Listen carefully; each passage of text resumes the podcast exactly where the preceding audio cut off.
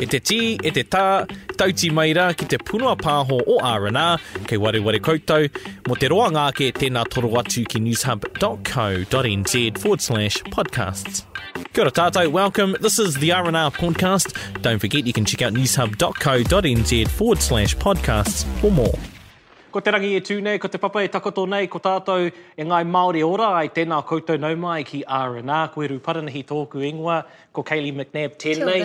Tēnei mea te huringa āhuarangi, he, he take nui o te ao puta, waihoki ki Aotearoa, engari ehara mā ngā taiohi um, e, e, e, e whakararua ki au nei ko Ngāi Māori. Kei te whakaae koe, Kaylee, he aha rānei? Ai, ai, Eru. Well, when you think about climate change, you think about carbon emissions and cows and, you know, what are we doing with plastic bags? But you don't think about our marais. Mm. We don't think about our urupa. Ai. We don't think about our tangata whenua. Amine. Welcome to our Manuhiri. a very passionate climate activist, Hineka Mako. Welcome, going mai.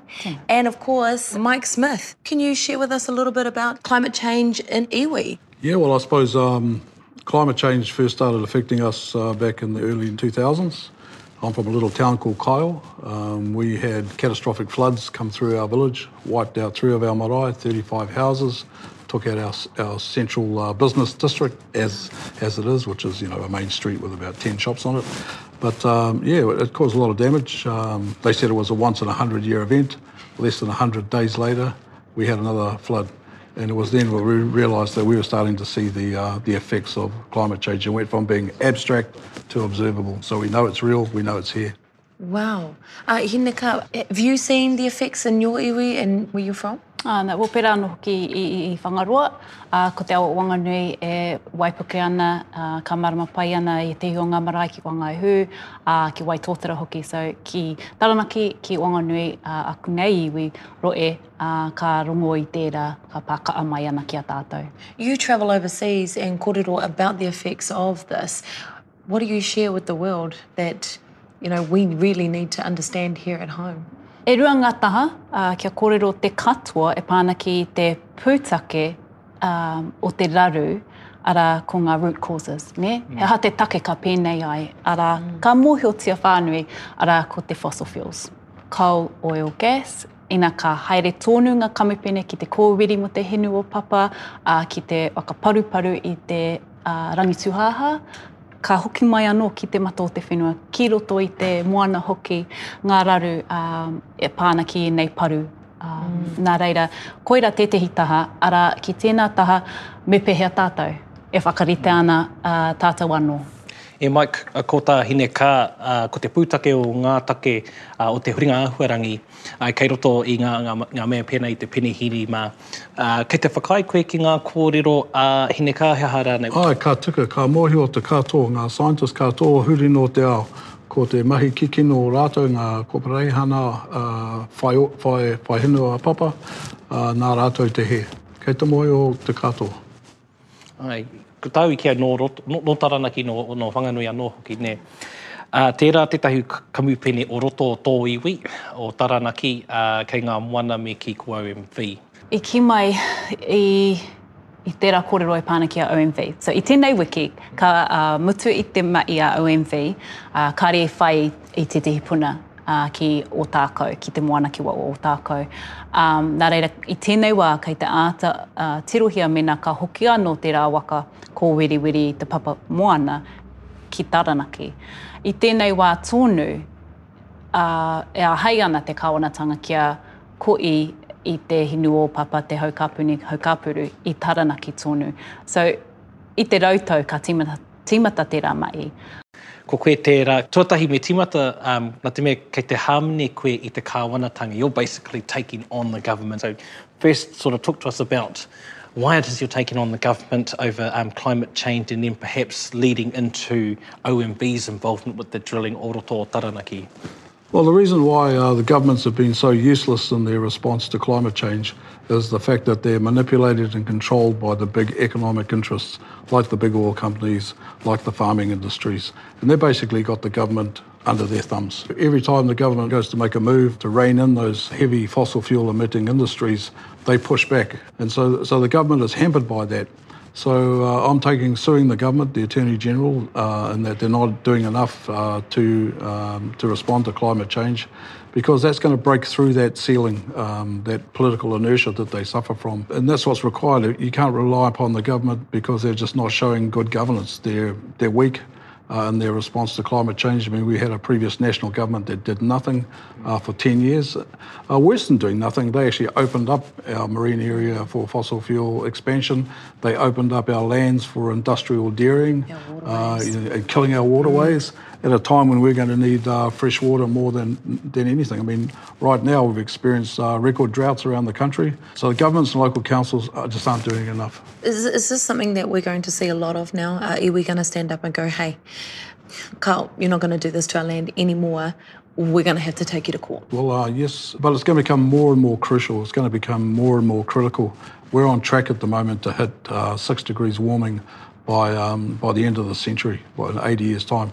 And even at three degrees warming, that's going to cause uh, an unraveling of civilization. I know it sounds dramatic, but that's what the current scientific orthodoxy is telling us.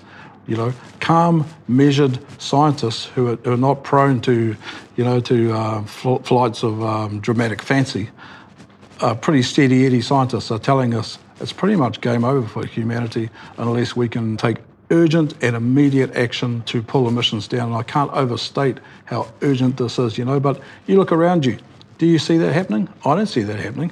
I've seen a pretty good mobilisation over the coronavirus, which you know is likely to kill maybe a fraction of a percent of our population. But climate change is going to wipe out, you know, millions of people around the globe, and I just don't see the mobilisation that's required to stop it. Uh, o roto o Aotearoa nei, uh, i raro i te maru o nā hinara o Reipa rānei, i kino ake te taiao i, i a wai. So, Ine kā kei te whakaae koe ki tēnā, ko tēnei uh, kāwanatanga, uh, ko pai ake i te kāwanatanga i mua, uh, e pāna ki ngā take huringa āhuarangi? Well, ko te kāwanatanga ā motu tētehi Tētehi taha o ngā Kawanatanga nei ko ngā mea ā-rohe, ā-tāone, ā-wā, ā-pakupaku hoki, he maha o rātou e kī ana he climate emergency ki tō mātou rohe. So he pai tērā kia kaua e wareware ehara ko te Kāwanatanga o te motu te tino rangatiratanga, me kī, o tēnei whenua. E matua mōhio nei ngā iwi, ngā hapū, he maha ngā ture ā-rohe ki roto i te mana a Kaunihera. Nē? Ā, so he pai kua tīmata ngā kaunihera ā-wāi kia ā, āta tirohia me pēhea tātou, me pēhea te mahi tahi i te kāwanatanga ā-iwi hoki. Nā reira, ā, he, ia, he wāi hoki kia āta mōio tātou, o me pēhea te, ngā ture o roto nei, me pēhea tātou e mahi tahi kia whakapai, kia whakarite a tātou anō ā-rohe, me te mea kaua e wareware te katoa o te motu, pērā i te, i te aro hoki ki te ao huri noa. Um, ka mihi atu ana i tēnei wā ki, ki te iwi, ki, ngā iwi taketake me kī nō tāwāhi e tū kaha ana i tēnei wā ko Wet'suwet'en, mm. i ngā wā o mm. mua ko, ko ngā iwi o roto i a Standing Rock, maumahara tātou i tērā. Mm. Nā reira ki Ahitereiria, ki uh, Amerika ki te Tonga, ko ngā iwi taketake e tū kaha ana ki mua i te aro o ngā kawanatanga, a, a ngā koporeihana hoki, me te wero, kaua e, ka, me oti te maitūkino i a tātou, ngā tangata, ngā ngā uri katoa e noo ana i ngā wai, taa moana, taa awa, ara, ngā ere hoki. O Hinika, are there iwi here in Aotearoa that are making those changes at the moment using those examples from, you know, all over the world? Ana, e whakarite ana, he maha ngā iwi e whakarite ana i a rātou anō tirohanga ki a rātou roe. ā, ka tīmata te noho i te taha o ngā kaunihera, ā, tīmata te, te tiro ā, me te whanaungatanga hoki. Ā, ehara i te mea ko tēnei iwi anake ā, e mahi ana i a rātou rohe, kei waenga i tēnei awa ki tēnei ai, maunga, ai. aha rānei, ko te rohe katoa me arotaī. Tērā pea i raro i te maro tētehi ā-tauira tēnei, ā, Nā Chris Kumeroa e mahi ana i te taha o te Civil Defence kia akona me pēhea te whakarite i a tātou i mua i te wā ka tae mai ngā waipuke, i mua i te wā ka tae mai ana tētehi raru arā extreme weather event, aha rānei. Kia whakapakiri ana ngā rangatahi kia mōhio, ā, me pēhea te tere haere ki te whakapai, ā, kia tautoko ngā whānau, ngā kaumātua, ngā hapori, ā, nā reira he tauira pai tērā mā tātou huri noa i te motu. Nō te mea ko te ngako o ngā kōrero pē i tā Hine Kaa, he rerekē ngā wangawanga, ngā take a tēnā, a tēnā, a tēnā, nē? Kei te whakaae koe, Mai, kia hā rānei? Āe, ka tika tēnā. It's up to every rohe really to identify what the specific risks are within their area of influence or authority. And so, you know, those people living on the coast obviously will be concerned with sea level rising and storm surge, We're going to see a lot more of these tropical cyclones. We've been working with the Iwi Chairs Forum. Uh, I'm the chairperson of the uh, Climate Change Iwi Leaders Group. And we're currently rolling out hui right across Ngāiwi Katoa or Putanō Te Motu. Starting the conversations in those communities to help them uh, with tools to identify what are the threats, whose houses will be affected, which businesses, how many, how much road will be inundated, what sorts of infrastructure will be inundated, what are the priorities that they have as a community for what they want to do, uh, which are the urupa and the wahi tapu, because a lot of our urupa are down at sea level. And so um, some of these things are long conversations. You know, if you have to hahu the, the koiwi of your tupuna from a urupa, that's not something you can just have one meeting about. You know, that's a long conversation. Um, there's all sorts of tikanga involved in that, and I know where I come from, you know, they say things like, if you take a body out of the ground, you have to replace it with another one, and, and these types, these types of, of corridor. And so we've got to start the conversations now. Mm. And uh, so that we've got time to work through the issues with our whānau uh, to make sure that our whānau own the uh, solutions. It's, uh, I think it's a waste of time waiting for the uh, Crown or the local councils to come riding over the hill on their white horses. I mean, we've seen that in the far north. Uh, the far north district council has known about climate change, known about droughts for a long time. Why is it that there's no water in the far north? They should have prepared for it. Uh, they should have been ready for it. There should have been no suffering uh, from this drought. But the fact is that they have they've dropped the ball. They haven't anticipated it. They haven't prepared for it. So I think we've got to take the onus of responsibility upon ourselves. That's what rangatiratanga means. It means taking the responsibility, planning, uh, anticipating, preparing, and actioning our resilience programs for our community. Is it a factor, though, that a lot of iwi or a lot of people in the Rohe are just putting their hand up and going, yeah, there's an issue, but I don't really see much money going into helping the iwi to do that and protect their urupas, to absolutely, protect their marae. Absolutely, you hit the nail on the head. So that's why we must be not just acting individually and doing what we can as, as individuals, but we've got to be working collectively to deal with the big systemic problems. And that means uh, taking the politicians on and saying to them, we will reward those governments that do the right thing and we will punish those that don't. And uh, we know that there's lots of money sloshing around. I mean, they subsidise the oil industry, um, you know, thousands of millions of dollars every year. They've done that traditionally. They subsidise the farmers who are polluting the environment,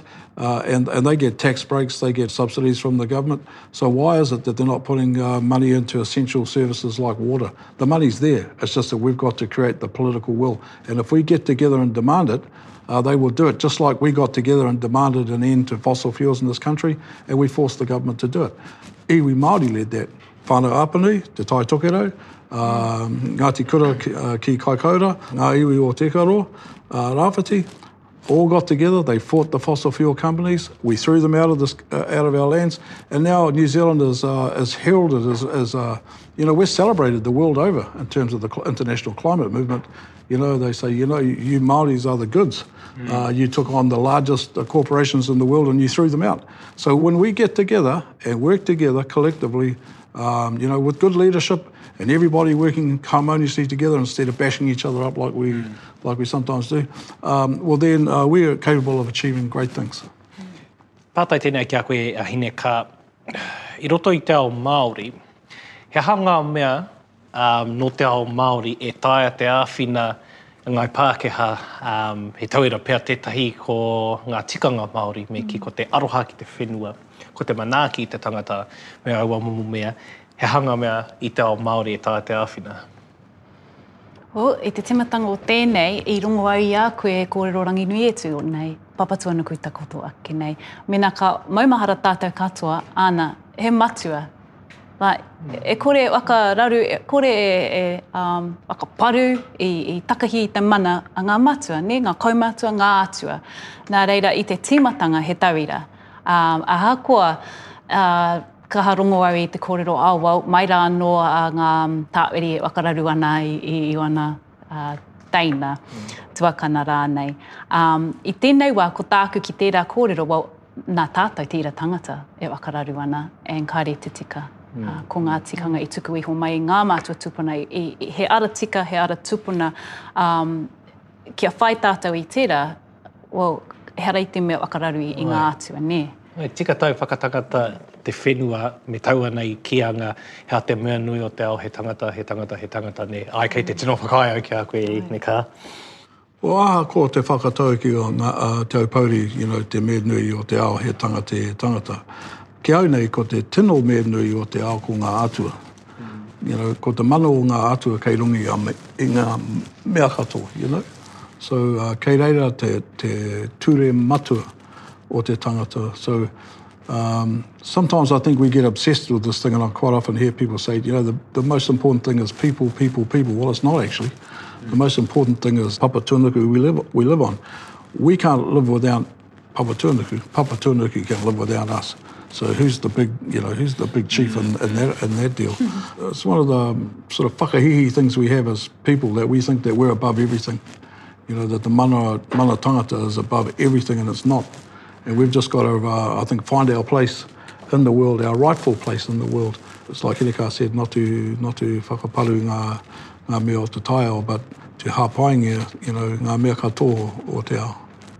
Kāre he take kia whai, kia kimi, kia rapu tonu i aua um, momo taonga i roto i a Papatuanuku. Mena ka whakaaro ā Māori ko te tinana o Papatuanuku, me wai o ērā, me huri ki te kaha o ngā hihi o Tamanui-i-te-rā, ki te kaha o ngā hau a Tāwhirimātea, ki Ka mārama pai te katoa o ngā tāngata huri noa i te ao, ka taea te riro i te, te, te hihiri mai i ēnei o ngā atua.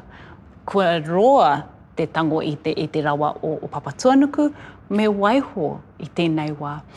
Tētehi atu kōrero i, i rangona i au i tētehi tākuta, he āua pērā i te, i te um, tinana o te tangata, a te ao, mena ka wera haere ka mohio ka tino māuiui te tangata, mena kare i inu te wai, te wakata, te moe kia kia ora pai ana ne, mena ka māuiui te pēpi ka tangitangi ana a ka hora ia i te wai. Mena kare mai i tera mo te ao kia wai o kia kaua e waka mahana haere ka piki te wera a ka raru ka raru ka mate pea. You know, kāre i te, te, i te mea ka mate a Papatuanuku, engari ko te ira tangata, well, kāre tae te aha mena ka wera, ka wera, ka wera. Nā reira, me mutu te mahi, ka mārama pai te katoa, ka wera, ka whakawera ana, me tīmata te waka uh, matau me, ne? Mm-hmm. Kia, kia, kia tau tātou me, ko i ra tā. And we don't have time to, to muck around. You know, the scientists have told us uh, that we have 10 years in which to make a difference. So the people I've spoken to said that we can still make a difference if we have a mobilisation uh, on the scale that our uh, grandparents mobilised in the Second World War. If we had to mobilise at that level, uh, we can still make a difference. But I mean, you know, I don't see the fighter planes flying overhead. I don't see people queuing up down at the recruiting office. I don't see the government handing out the tools and the weapons that are required to, um, you know, to fight climate change. I don't see that happening. We've just got to increase not just the heat on ourselves. We have to increase the heat on government, and uh, we have to make sure that we're not left out um, as communities start to adapt and look at risk um, management and adaptation. We've got to make sure that our people are not left out in that equation. I mean, I put a time limit on my kids to clean their room. I mean, do we need to give a time limit to government? yeah. To we've only got four thousand days. That doesn't right. seem like long enough. So we obviously need to put a time limit on this. Move it up faster. Um, one of the things that we look at is, okay, if by this time, this, because no one can say for sure the impacts are going to be this exactly. Tino wera wera haere. Um, so if the heat increases like this and then exponentially rises, well, ahako te tere, this is one thing I've heard, is we must move with pace, but not hastily, like carefully. Um, but I think time frames, if we haven't all organised kia wakarite ai a tātou mahere, then we don't know where we're going. So we have to have the map to prepare, and that's what's uh, te nuinga o ngā mahi a ngā uh, rōpū a iwi uh, building the maps mm. and trying very hard to make sure that those maps don't crash into what the councils are, are planning, what the government's planning. So there's yeah. a, uh, quite a lot of negotiation. Um, he oti anora.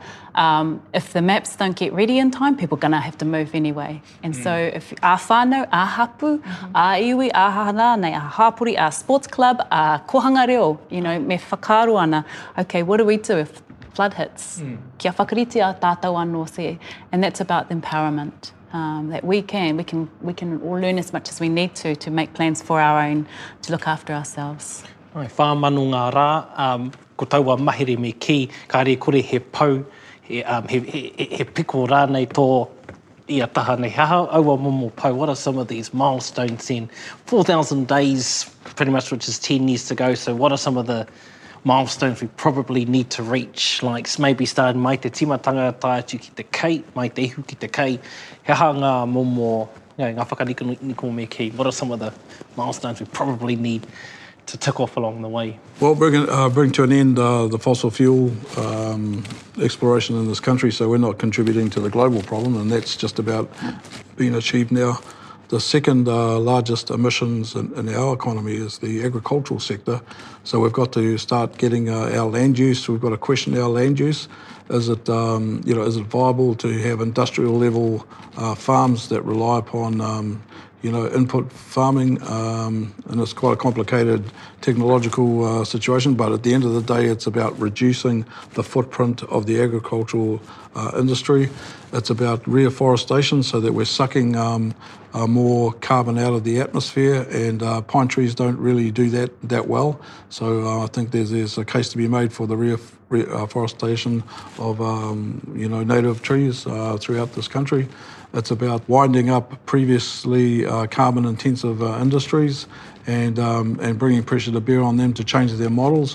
What are the technological um, fixes that they can bring to lower their emissions? It's about us changing our behaviour in terms of transport not you know all of us sitting in a car on the Auckland motorway at half past eight in the morning, mm. frustrated as hell because it's taken us two hours to get across Auckland.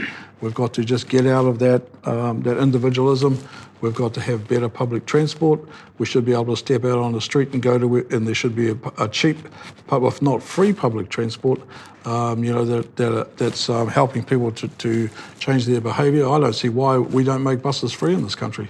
That would get people, um, you know, if you didn't have to pay for your fuel and your parking and you didn't get caught up in a traffic jam and you were guaranteed that you were going to get to where you were as quick as, if, um, if not even faster than your car, I think a lot of people would choose that option and there'd be all that, the less amount of pollution that's going into the atmosphere. Mm-hmm. Uh, there's food waste.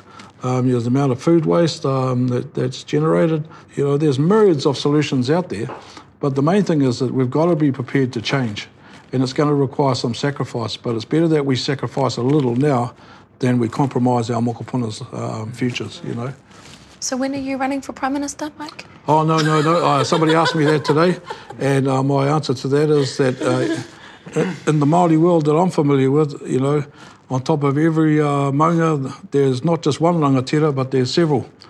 and that at every bend of the river, as they say in Tainui, you know, there's a there's a swarm of uh, taniwha. Mm. And, and, so I don't believe in that there's just one person speaks for one area. I think that's just uh, humbug.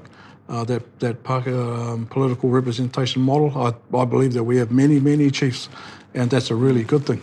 We just we've got to have um, uh, whakamininga where our people come together and we share power and. Uh, because not there's no one person that's the best person for every job.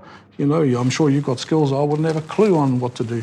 And, and, uh, and, um, and yeah, well, quite not. And so would you, and so does Seneca. And so the trick is, you know, living together as a communal people, as a tribal people, we all put our skills together and then we have our solution for any problem. But this idea that there can only be one, I think, is, is just crazy. You know, so I don't, uh, I don't have any aspirations. E Piko, he taniwha, tēnā koe i te uri o Waikato. O, kua tae tātou ki tēnei piko, te whakamutunga o tēnei hōtaka. Me mihi kā tika ki a tātou nei manuhiri i tēnei rā. Kia Hini Kaa, kōrua ko Mike, tēnā kōrua. Kia koutou ki te kāinga. Ai, kua tae ki te whakamutunga. Nā reira, he aha te kai a te rangatira? He kōrero, he kōrero, he kōrero. He aha te kai?